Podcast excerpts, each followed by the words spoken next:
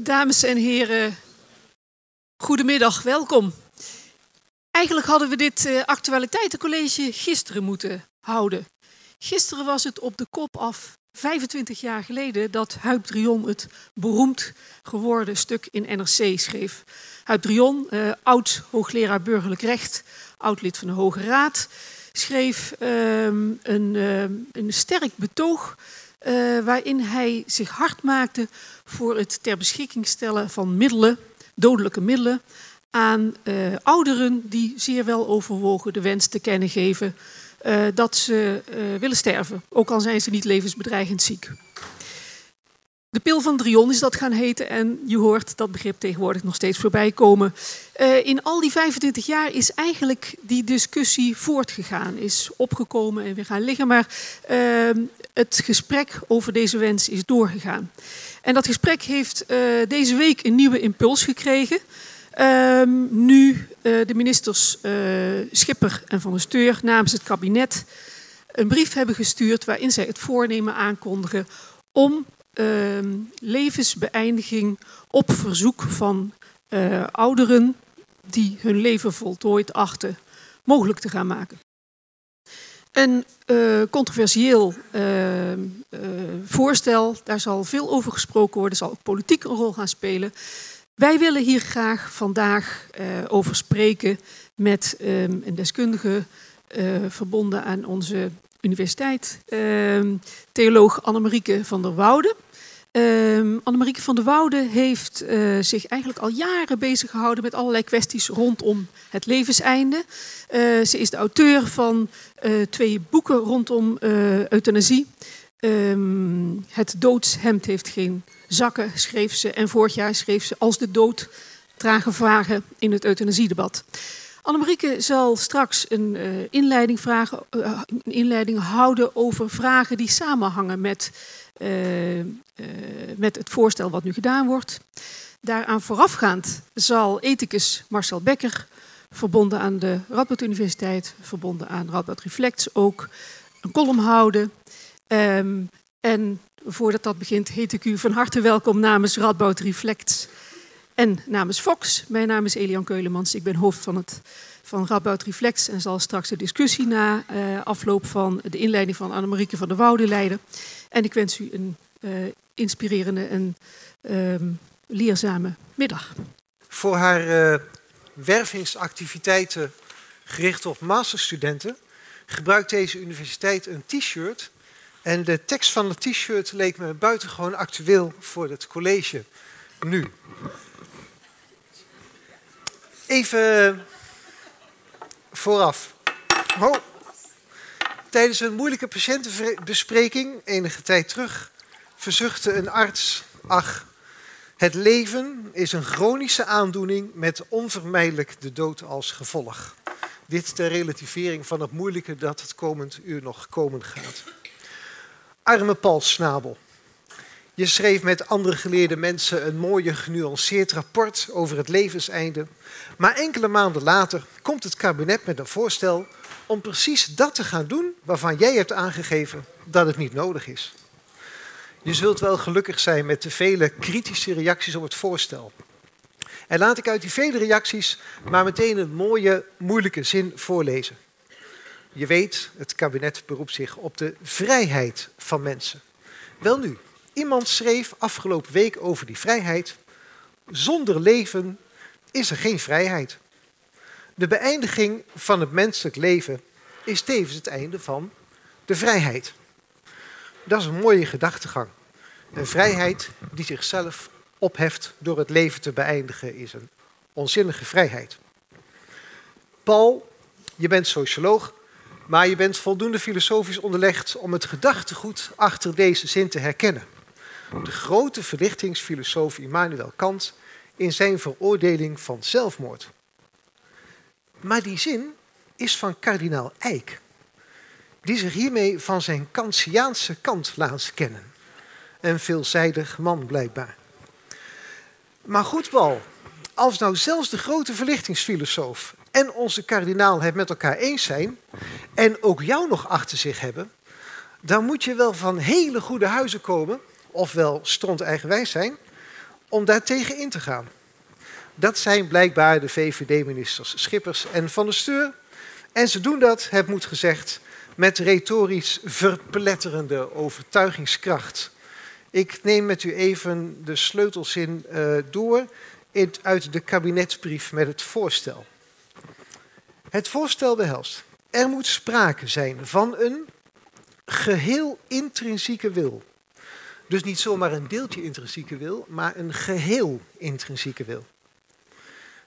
Intrinsieke wil. Ja, ik weet het, ik heb ook wel eens last van extrinsieke wil. En u vast ook wel eens. Maar dat is hier niet de bedoeling. Het moet echt gaan om uw intrinsieke wil. Ik citeer verder. Een weloverwogen. Goh, hoe triviaal kun je het zeggen. En, ik citeer verder, duurzame wens. Duurzaam? Op de drempel van de dood duurzaam? De duurzame vrijheid die zichzelf om zeep helpt, zou de kardinaal zeggen. Blijft over de rest van het citaat, die in vrijheid tot stand is gekomen. Kijk, het gaat om vrijheid, zelfbeschikking, autonomie. En daar zijn we natuurlijk allemaal voor. Wie is er tegen autonomie? Hoewel, als het gaat om het leven, wordt het toch steeds, om hoe we leven, wordt er toch steeds meer ingekneld. Al jarenlang worden we in de auto ingesnoerd door de autogordel.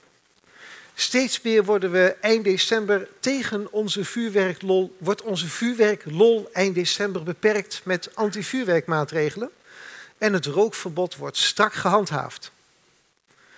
Ja, binnenkort zijn mijn organen ook niet meer vanzelfsprekend van mezelf. Als ik er niet op bedacht ben, worden ze me ontnomen wanneer ik de drempel van mijn levenseinde ben overgestapt. Kortom, ik mag, me, ik mag niet bij een ongeluk een hersenschudding oplopen. Ik mag me niet longkanker roken. Ik mag ook niet op 31 december een oog of hand verliezen. Maar ik mag me wel van het leven laten benemen. In de bezwarenregen zijn er zo allemaal filosofische bespiegelingen uh, neergedwarreld over het type samenleving waarin we terechtkomen.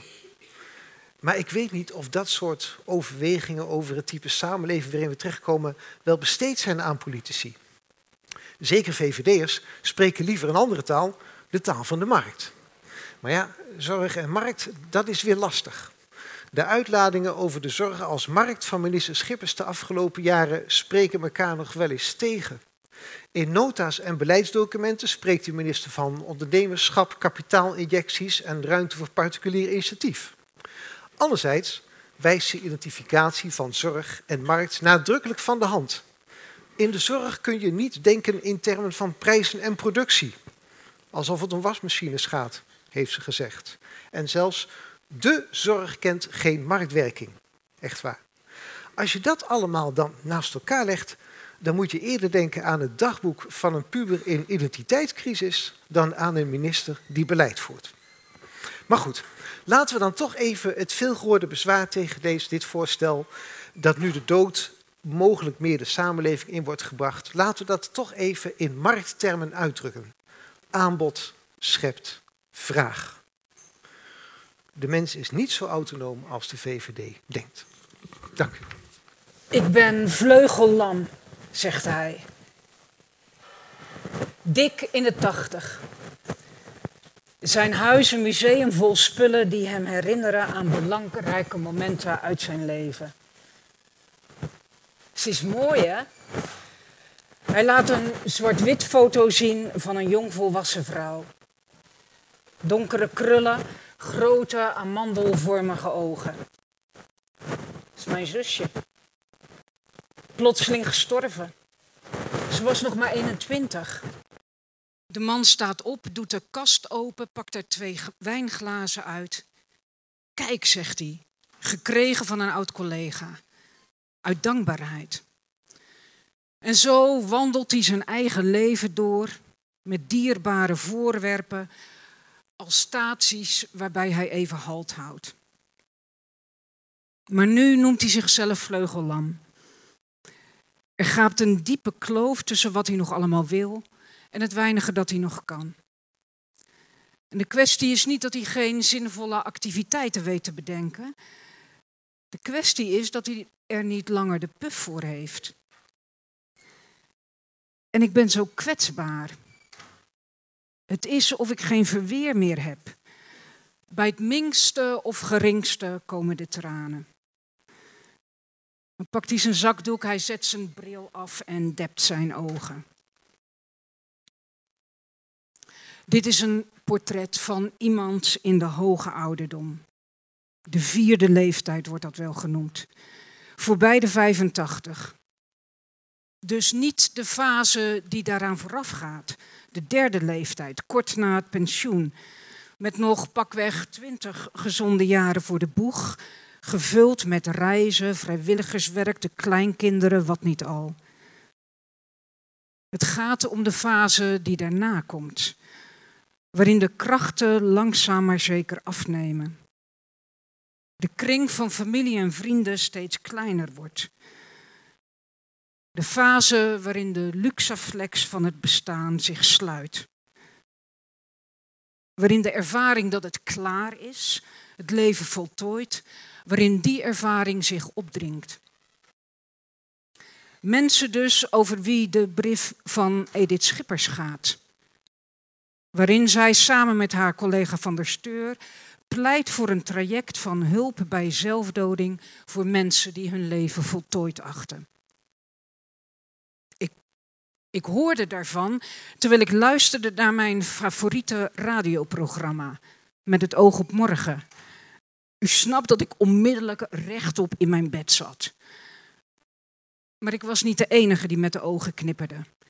Want onze minister heeft vriend en vijand verrast met haar brief. Wat staat erin? Het voorstel betreft mensen in de hoge ouderdom die ernstig gebukt gaan onder het vooruitzicht nog verder te moeten leven, terwijl ze lichamelijk niets mankeren. Er is met andere woorden bij hen sprake van ondraaglijk, uitzichtloos lijden zonder medische grondslag.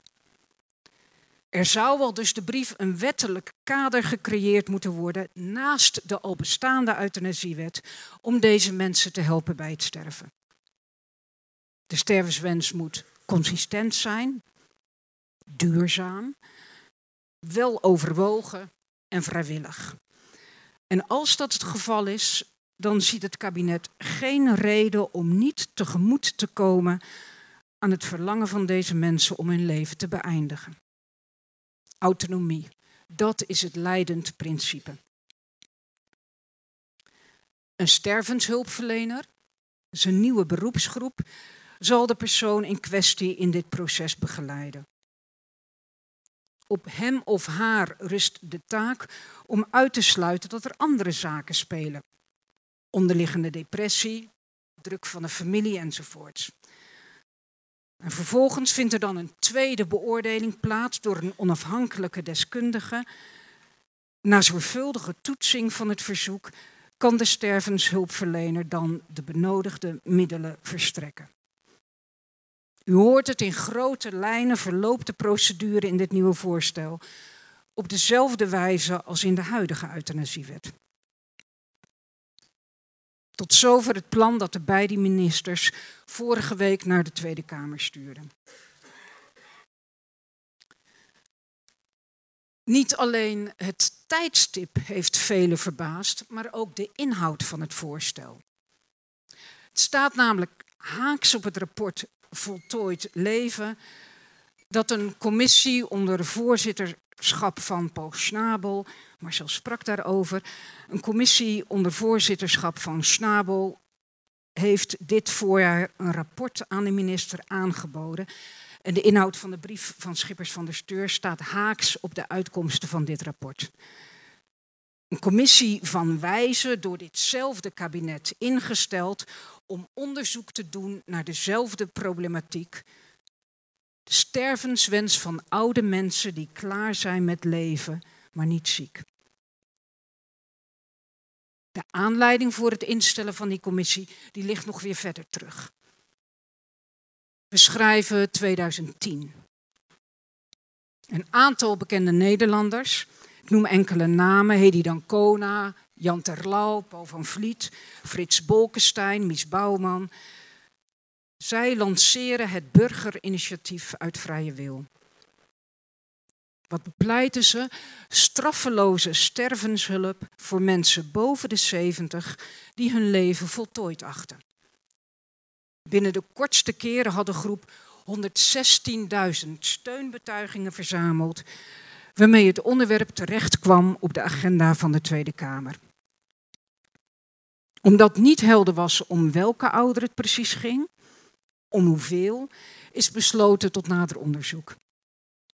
De opdracht aan de commissie Schnabel was daarvan het resultaat. Ik leg de twee naast elkaar. Schnabel versus Schippers. Schnabel. Bij de mensen die het betreft, mensen in de hoge ouderdom, is veelal ook sprake van een stapeling van ouderdomsklachten. Daarmee kunnen zij een beroep doen op de huidige wet. Schippers de mensen om wie het gaat vallen buiten de bestaande wettelijke kaders. Schnabel. Levensbeëindiging op verzoek moet voorbehouden blijven aan de arts. Om redenen van veiligheid, deskundigheid en toetsbaarheid. Schippers. Er wordt een nieuwe professional opgeleid. De stervenshulpverlener die, meer dan een arts, is toegerust om vragen van existentiële, psychosociale aard te wegen. Schnabel hanteert in zijn visie een relationeel autonomiebegrip, terwijl Schippers een individualistische opvatting van autonomie als uitgangspunt neemt. De beschermwaardigheid van het leven, waaraan ook de minister hecht, maar de beschermwaardigheid van het leven kan ondergeschikt raken aan de wens van een individu om te sterven. Schnabel vraagt tot slot aandacht voor de eigen aard voor de ouderdom als levensfase. Schippers gaat niet in op het specifieke karakter van de laatste periode van een mensenleven. Het advies van de commissie Schnabel luidde dan ook: het is niet wenselijk om de huidige juridische mogelijkheden in zaken hulp bij zelfdoding te verruimen. Het was een advies. En een advies mag je naast je neerleggen. En dat heeft de minister dan ook gedaan.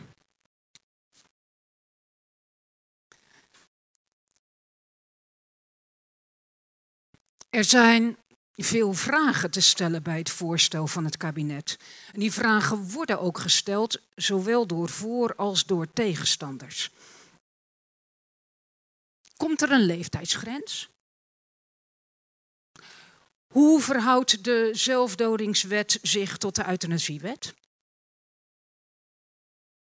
Wat bedoelen mensen eigenlijk als ze zeggen voltooid? Hoe toets je of iemand niet toch wordt gepusht in de richting van levensbeëindiging? En hoe verhoudt dit plan zich tot het voornemen van het kabinet om de zelfdodingscijfers omlaag te brengen? Ik voeg daar nog twee overwegingen aan toe. De eerste overweging: gecompliceerde rouw. Aan de behoefte van hoogbejaarde mensen om regie te voeren over hun levenseinde komen de beide bewindslieden met dit plan tegemoet. Maar hoe zit het met de achterblijvers? Het voorstel voor nieuwe wetgeving wordt gezien als een aanvulling op de bestaande euthanasiewet uit 2002. Maar dat verhult waar het hier eigenlijk om gaat, namelijk om zelfdoding. En ik benadruk dat omdat de emotionele gevolgen van iemands besluit om het leven uit vrije wil te beëindigen, voor de nabestaanden net zo gecompliceerd kunnen zijn als de gevolgen van de beslissing van iemand die eigenhandig kiest voor de dood.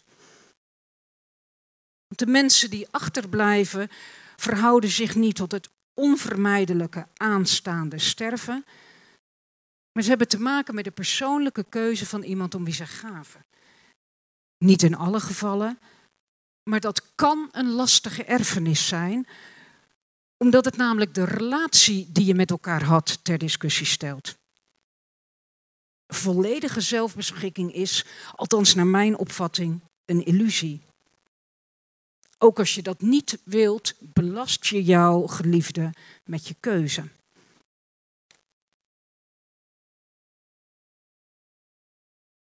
Overweging 2, en dan moet ik even bijzeggen dat Marcel Becker en ik van tevoren geen overleg met elkaar hebben gehad. Overweging 2 van mij, het marktmechanisme aanbod creëert vraag. Dat is namelijk ook zo op het terrein van het levenseinde. De komst van de levenseindekliniek in 2012, waar mensen terecht kunnen die bij hun eigen arts geen gehoor hebben gevonden. De komst van de levenseindekliniek heeft mede gezorgd voor een toename van het aantal euthanasieverzoeken van mensen met complexe problematiek. Het gaat om de categorieën dementie, psychiatrische aandoening en een opeenstapeling van ouderdomskwalen. Wanneer hulp bij zelfdoding op hoge leeftijd wettelijk gaat worden geregeld, dan is het niet ondenkbaar dat die route een aanzuigende werking heeft. Het loutere gegeven dat de mogelijkheid bestaat om een verzoek in te dienen voor levensbeëindiging, terwijl je wel oud bent, maar niet ziek, het loutere gegeven dat die mogelijkheid bestaat, dat verandert iets in de hoofden van mensen. Ze worden op een idee gebracht.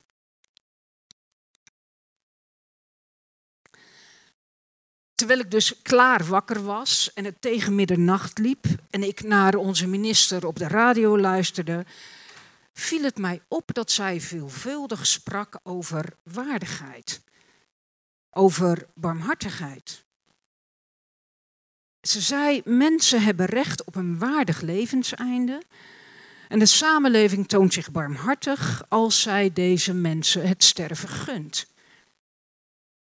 Waardigheid en barmhartigheid, dat zijn moreel geladen termen.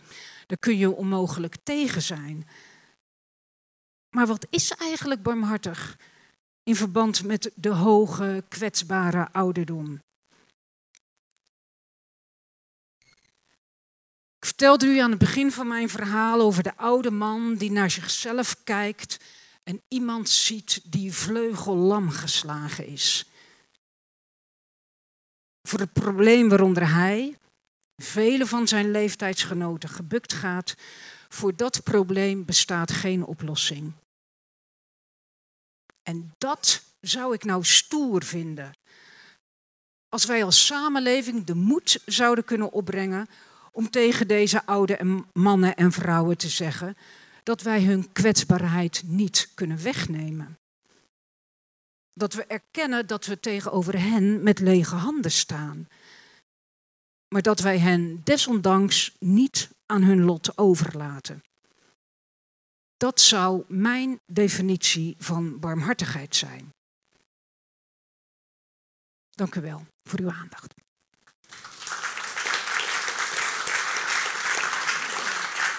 Deze.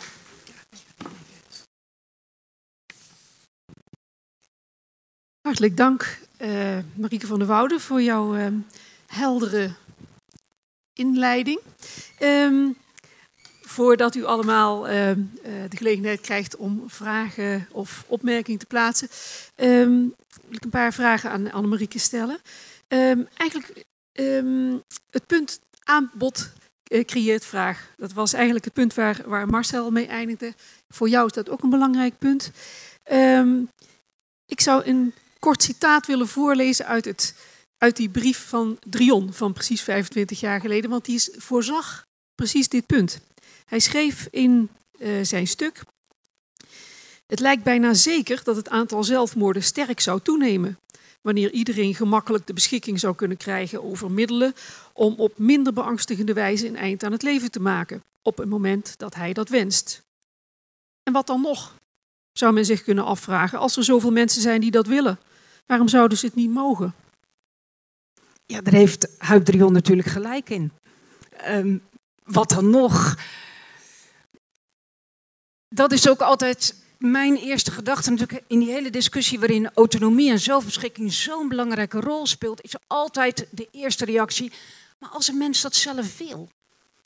En als die niemand zich daartoe dwingt, wat is dan het bezwaar? En ik denk op het niveau van het individu, van de autonome keuze, is er ook geen bezwaar. Als een mens zijn leven beëindigen wil, ja, ik bedoel dat niet oneerbiedig, maar zo is het wel, moet hij zelf weten. Dus wat mij betreft, de bezwaren liggen op het niveau, ik heb daar uh, geprobeerd iets over te zeggen in mijn verhaal. De bezwaren liggen op het niveau van mensen die achterblijven. Wat betekent het voor hen als iemand van wie zij houden of iemand in wiens kring zij verkeren zelf besluit om zijn leven te beëindigen? Zelf een punt zet. Dat vind ik, de gevolgen daarvan kunnen heel ingewikkeld zijn. Dus op het niveau van de mensen die achterblijven zie ik een bezwaar. Zie ik ook een bezwaar tegen de pil van Drion. En ik zie een bezwaar op het niveau van de samenleving. Dus dat je als samenleving het zelfgekozen levenseinde faciliteert, om dat lelijke woord maar te gebruiken, vind ik ook ingewikkeld. Wat is het ingewikkelde daarvan? Nou ja, oh, vond ik een hele scherpe reactie die ik in een van de kranten ben tegengekomen. Dat iemand zei of zich afvroeg, hoe verhoudt eigenlijk dit voorstel zich tot het voornemen van het kabinet om uh, de zelfdodingscijfers naar beneden te brengen? Dus je, bedoel, moet je, moet je als kabinet en als samenleving een sterk verhaal hebben om te zeggen waarom deze mensen wel, behalve de kwestie van leeftijd, en andere mensen die jonger zijn, maar misschien niet minder ondraaglijk lijden, die niet. Er komt eigenlijk een, een, in dit voorstel zou je een soort goedgekeurde en een niet goedgekeurde variant van zelfdoding krijgen. Waarop Arno Grunberg zei in een Volkskrant: wat doet de, uh, het, de overheid, wat doet het kabinet op dit moment? Gaat op de lege plek van God zitten. Arnold Grunberg. Dus er is geen, we hebben geen moreel kader meer waarop, op grond waarvan we een besluit kunnen nemen. Ja, nou ja, dan is dus. Grunberg vroeg zich af, een TBS-veroordeelde, die geen perspectief meer in zijn leven ziet, kan hij ook een beroep doen op de wet? Is misschien ingewikkeld. Dus dan gaat de overheid besluiten wie wel en wie niet. Een glijdend schaalargument. Ja, ja inderdaad. Nou is dat altijd een, lastig argument. Dat kan ook afleiden. Als je zegt het leidt uiteindelijk tot allerlei hele Ja, ja, ja. Nee, dat ben ik, dat ben ik met je eens. Uh, dat ben ik met je eens. En dat, dat is uiteindelijk, houdt dat het ook niet, zo'n uh, een argument van het hellend vlak. Maar dan houd ik wel vol dat ik het als samenleving, op het niveau van de samenleving ingewikkeld vind. Als je zo zeggen, nou, uh, de autonome wens van iemand om het leven te beëindigen, die honoreren wij en daar bieden wij ook de mogelijkheden voor. Je had een, een van de, twee overwegingen die je gaf, ging over die gecompliceerde rouw. Je noemde het net ook al. Hè. Voor de achterblijvers kan het verschrikkelijk ingewikkeld zijn dat iemand wel bewust echt kiest om het leven nu te beëindigen en dat laten, te laten faciliteren, zoals je dat zelf noemt. Als je dit, deze overweging serieus neemt en je uh, beseft hoe belangrijk het kan zijn, of hoe, hoe pijnlijk en moeilijk en ingewikkeld het kan zijn voor achterblijvers om geconfronteerd te worden met zo'n zelfgekozen dood. Als je dat besef serieus neemt, wat zou dat volgens jou betekenen voor het begeleiden van mensen die deze wens uiten om te sterven, om geholpen te worden te sterven? Ik ben in mijn, in mijn werk ooit geconfronteerd geweest met zo'n situatie. Je dus werkte in een verpleeghuis, hè? Ja, ja. En uh, ik kreeg te maken met een familie waarvan meneer op hoge leeftijd zich tot de levenseindekliniek heeft gewend. Hij was niet terminaal ziek, maar zoals dat dan heet in jargon, een opeenstapeling van ouderdomsklachten. Hij wilde sterven vond bij zijn huisarts geen gehoor, heeft zich tot de levenseindekliniek gewend. En de levenseindekliniek, de arts daar en het professionele team daar zei... wij zien dat u ondraaglijk lijdt uh, aan het vooruitzicht nog verder te moeten leven en ook af te zullen takelen. Hij is met de levenseinde tot overeenstemming gekomen dat er een moment van zijn sterven bepaald zou worden. En hij heeft daar met zijn kinderen niet over willen spreken. En heeft hen uiteindelijk met dat besluit geconfronteerd. En zo is het ook gegaan. Dus deze vader is ehm, ehm, op deze manier door euthanasie gestorven. Voor de kinderen die achterbleven was dat buitengewoon ingewikkeld. Niet alleen omdat zij het onderling niet met elkaar eens waren over het besluit van vader. Sommigen steunden hun vader in dit besluit en anderen deden dat niet. En degene die dat emotioneel niet konden, die wilden hun vader op het moment van sterven niet in de steek laten. Maar voelden zich wel daar heel, heel ongemakkelijk bij. En worstelen nog altijd met de vraag, wat heeft hij ons aan waarde tijdens de opvoeding bijgebracht als dit daar het eind van is. En uh, de grootste worsteling was dat hij daar met hen niet over wilde praten. Jouw vraag gaat over hoe kun je iemand die deze wens heeft om bij een voltooid leven te sterven, wat kun je in de begeleiding betekenen en wat kun je misschien ook voor de, betekenen voor de mensen die achterblijven? Ik vind dat een buitengewoon ingewikkelde vraag. Ik denk dat je, ik zou persoonlijk zeggen, in zijn algemeenheid kun je daar niet iets over zeggen. Mijn ervaring is tegelijkertijd, dus ik vertel over deze familie, dat ja, in gesprek met zo iemand, ook met iemand die de wens te kennen heeft gegeven te willen sterven. Het enige wat kan is het gesprek. dat is zo, maar uh, ingewikkeld is het wel. Ja, want in het gesprek gebeurt wat? In, een, in, in het gesprek heb ik toch te maken met deze ene mens die die wens heeft.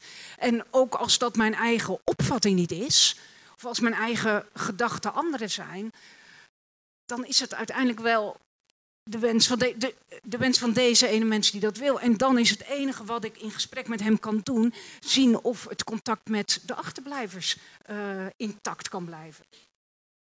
Dankjewel. Het is een uh, buitengewoon boeiend verhaal met heel veel facetten. En toch had ik elke keer bij ieder van de argumenten die u noemde, had ik tegenargumenten. Uh, ik kan ze niet allemaal meer herinneren. Ik zou graag eens een keer in een persoonlijk gesprek met u die argumenten onder uh, op tafel brengen en daar mijn tegenargumenten aangeven. Maar om maar een voorbeeld te, te noemen. Ik kan mij nauwelijks voorstellen dat wanneer deze wetgeving daadwerkelijk van kracht zou worden, er ouderen zouden zijn die zonder overleg met hun kinderen uh, van die pil van Drion uh, gebruik zou maken. Ik kan mij niet voorstellen, en als dat wel het geval is, dan is er in het voortraject al ontzettend veel misgegaan in het contact tussen de ouders en de kinderen. Is één argument. Tweede argument, uh, wat, of het tweede punt wat van belang is, zal, zal um, de mogelijkheid om van die pil van Dion gebruik te maken, ook uh, zal dat leiden, koet tot een hoger uh, zelfmoordpercentage. Ik moet zeggen, ik praat heel veel met, uh, met oudere mensen, omdat ik er in geïnteresseerd ben in uh, dit hele aspect. En ik hoor van heel veel mensen, het zou mij een ontzettende rust geven als ik hem in mijn nachtkastje had liggen. Niet dat ik hem wil gebruiken, integendeel. Maar het geeft me gewoon een ongelooflijke psychische rust als je er zou zijn. Dus dat is een derde punt. En het, of een, een derde punt nog ja, maar eh, dan heb ik meteen uh, dat. Geeft u mij één argument, geeft u mij één argument waarom een mens die vindt dat zijn leven eigenlijk voltooid is en dat er geen enkel perspectief meer is in zijn leven, desondanks moet blijven doorleven zonder dat hij nog dat perspectief heeft. Zijn er argumenten, we beginnen met de laatste vraag, zijn er argumenten om tegen iemand die zo'n doorleefde doodswens heeft te zeggen: dat kan niet en we gaan jou daar niet mee helpen. Dat is natuurlijk ook nog een aspect. Mijn reactie zou zijn: als iemand zegt mijn leven is voltooid, geen enkel perspectief meer, ik ben er echt helemaal klaar mee. Het enige wat mij te wachten staat is dat het minder wordt. Um, heeft de mens de plicht om verder te leven. Ik zou zeggen dat zijn twee onderscheiden dingen. Natuurlijk heeft de mens geen plicht om verder te leven. Eh, en dat kan ik al helemaal niet tegen iemand zeggen, maar dat vind ik iets anders dan dat je zou zeggen: wij we creëren voor deze mensen de mogelijkheid om ehm, met hulp van beschikbaar gestelde middelen het leven te beëindigen. En ik wil in dit verband graag het, ehm, het onderzoek noemen dat Els van Wijngaarden eh, verricht heeft aan de Universiteit voor Humanistiek. Els van Wijngaarden die heeft onderzoek gedaan naar precies deze groep mensen die van zichzelf hebben gezegd: Mijn leven is voltooid. En bij hen was er sprake van een actieve stervenswens. Zij heeft uh, 25 van deze mensen geïnterviewd en een aantal van hen zijn uiteindelijk ook gestorven. Hebben dus, om zo te zeggen, de daad bij het woord gevoegd. De uitkomsten van de interviews die zij met deze mensen gehad heeft, is dat dat. Ik spreek Els van Wijngaarden even na. Dat dat um, begrip voltooid leven eigenlijk een eufemisme is. Dus het versluiert, het verdoezelt dat deze mensen inderdaad geen perspectief meer zien. Maar niet zozeer omdat hun leven in allerlei opzichten afgerond is.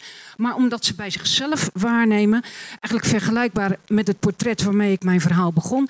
Dat deze mensen bij zichzelf waarnemen dat ze niet meer in staat zijn om verbinding te leggen met hun omgeving met hun naasten, met wat zich om hen heen afspeelt. Dus een plicht tot leven heeft de mens niet, maar dat vind ik een andere vraag dan zeggen wij helpen deze mensen om te sterven. Ja. Kun je nog reageren op het, uh, de, de, observatie die uh, professor Tak inbrengt? Uh, het, het geruststellende van het idee van de pil in het nachtkastje. Ook een, denk ik, een veel gehoord argument ja, eh, het is een heel veel gehoord argument. Ik heb dat mensen vaak horen zeggen, ook in de, in de media wordt dat heel vaak genoemd. Ik, ja, dat bedoel ik niet, dat, dat bedoel ik niet onaardig, maar ik ben daar. Ik vind het een beetje, ik zeg het anders, ik vind het een beetje een zwaar middel om mensen gerust te stellen. Ja, dat, is eigenlijk mijn punt. Dus, dus ik wil natuurlijk, eh, bedoel, dat zou, dat zou vanuit mijn, uh, mijn uh, beroep gezien ook niet kunnen. Ik wil natuurlijk de mensen hun geruststelling niet ontnemen. Dat natuurlijk niet. En als we op de een of andere manier. Maar waar het gesprek dan over zou moeten gaan is: waar bent u dan zo bang voor? En, dat, en dan, dan zou ik hopen dat een, een, gesprek ertoe kan leiden, of mee toe kan leiden, dat mensen de angst die reëel is en waarmee ze leven, dat daar iets aan te doen is. Maar om nou als een, ja, als een geruststelling uh, de pil in het nachtkastje. Nee. nee. Ik ga uh, de rest van die vragen even parkeren, want er zijn anderen die ook nog uh, aan het woord willen komen, waaronder u meneer. Willem van Katwijk. Um, ja, ik, u praat over barmhartigheid. Ik denk dat het juist barmhartig is dat als je mensen die lijden, dat je die van hun lijden afhelpt. Want het is bij hen duidelijk lijden aan het leven. En ik vind uh, dat je dan moeilijk van af kan maken door dus daar geen oog voor te hebben. Daar dus niet tolerant voor te zijn. En ik vind het ook een kwestie van barmhartigheid. Als je dat dan juist wel hebt, dan ga ik dus dat uh, aanbod vraag ga ik omdraaien. Er bestaat al, ik weet niet hoe lang in Nederland, een aanbod van mensen die die vraag helpen. Help mij alsjeblieft. Uh, 165, of wat zeg ik, 165.000 leden van de NVVE. 116.000 uh, ondertekenaars vanuit vrije wil. Er zijn er zoveel mensen voor wie het echt over en uit is. En wie heeft het recht, ik ben filosoof, wie heeft het recht om een ander te dwingen om verder en meer te lijden? Dank u wel voor uw vraag. Dit gaat om de begrip barmhartigheid, wat verschillend geïnterpreteerd wordt, althans in zijn gevolgen. Jazeker, en uw, uw opmerking komt eigenlijk overeen met uh, de opmerking van de vorige spreker. Weet u wat ik ingewikkeld vind? En dat, dat uh, ik zou bijna zeggen, dat de suggestie die u doet is dat mijn aarzeling, maar ik ben natuurlijk niet de enige, mijn aarzeling bij de pil van Drion, bij uh, het voorstel van Schippers van der Steur, um, dat dat zou betekenen dat ik geen oog heb voor het lijden van mensen. Dat vind ik een ingewikkelde, um, hoe moet ik dat zeggen, één op één. Ja. Dat is natuurlijk, dat is op geen enkele manier sprake van. Um, ik hoop dat ik oog heb voor het lijden van die mensen. En ik hoop dat ik daar, nou ja, op de een of andere mensen ook in de gelegenheid stel om daarover te spreken. Maar dat is wat mij betreft iets heel anders dan te zeggen: ehm, ik bied u de mogelijkheid aan om uh, uw leven ook te beëindigen. Het is misschien goed om, uh, om daarbij nog aan te vullen dat ik persoonlijk van mening ben dat het kan dat mensen psychisch terminaal ziek zijn. Dus, dus het, mijn eigen opvatting is niet zo dat mensen, wat mij betreft, alleen lichamelijk terminaal ziek kunnen zijn en dan voor een hulp bij het uh, beëindigen van hun leven in aanmerking zouden komen. In psychische zin kan dat ook. Maar uh, dat is een uitzondering. Maar het is niet zo, ik wil mensen niet tot uh, leven verplichten. Dat is iets anders als hen helpen sterven. En het feit dat ik aarzeling heb over dit wetsvoorstel betekent niet dat ik mijn ogen sluit voor mensen die lijden aan het leven. Wat daar nog, waar we het toch ook met elkaar over moeten hebben, is um, wat een leven in de hoge ouderdom en een afhankelijk en kwetsbaar leven eigenlijk inhoudt. Want het kan niet anders. Ik, ik, uh, ik ben natuurlijk ook getuige van de enorme lobby van de NVVE. Van, de van wat nu heet de, de coöperatie Laatste Wil. Er zijn allerlei initiatieven. En de enorme lobby van mensen die zeggen: zodra het leven uh, minder wordt, ik niet meer de volledige regie heb, dan wil ik sterven. En daar worden dan die woorden waardigheid en barmhartigheid voor gebruikt. Daar maak ik bezwaar tegen. Ik maak er natuurlijk als theoloog ook bezwaar tegen dat op deze manier die begrippen waardigheid en barmhartigheid in een context gebruikt worden. Uh, waarvan ik mij minstens afvraag of ze daar op zijn plek zijn. Want dan wordt het namelijk dat alleen een uh, zelfstandig en weldoordacht uh, uh, en beredeneerd leven de moeite van het leven waard zijn. Uh, en mijn jarenlang werkzaamheden in een verpleeghuis, uh, die hebben mij wel in die mate gevormd dat ik weet dat er ook nog andere manieren van leven zijn die ook waardevol zijn. Dus u merkt dat ik alsmaar bozer word. We hebben wel gezien welke uh, betekenissen hier in het geding zijn. En inderdaad, de, de discussie die zal voorlopig nog niet uitgewoed zijn. Um, ik uh, dank u allemaal heel hartelijk voor uw aanwezigheid. Om te beginnen uh, vooral Annemarieke van der Woude voor haar inleiding en haar uh, rol in het gesprek. Ook Marcel Becker, zeer dank voor de prikkelende column. Jullie nogmaals hartelijk dank voor jullie aanwezigheid. En hopelijk tot ziens bij een volgend actualiteitencollege van Radboud Reflex en Vox. Tot thuis.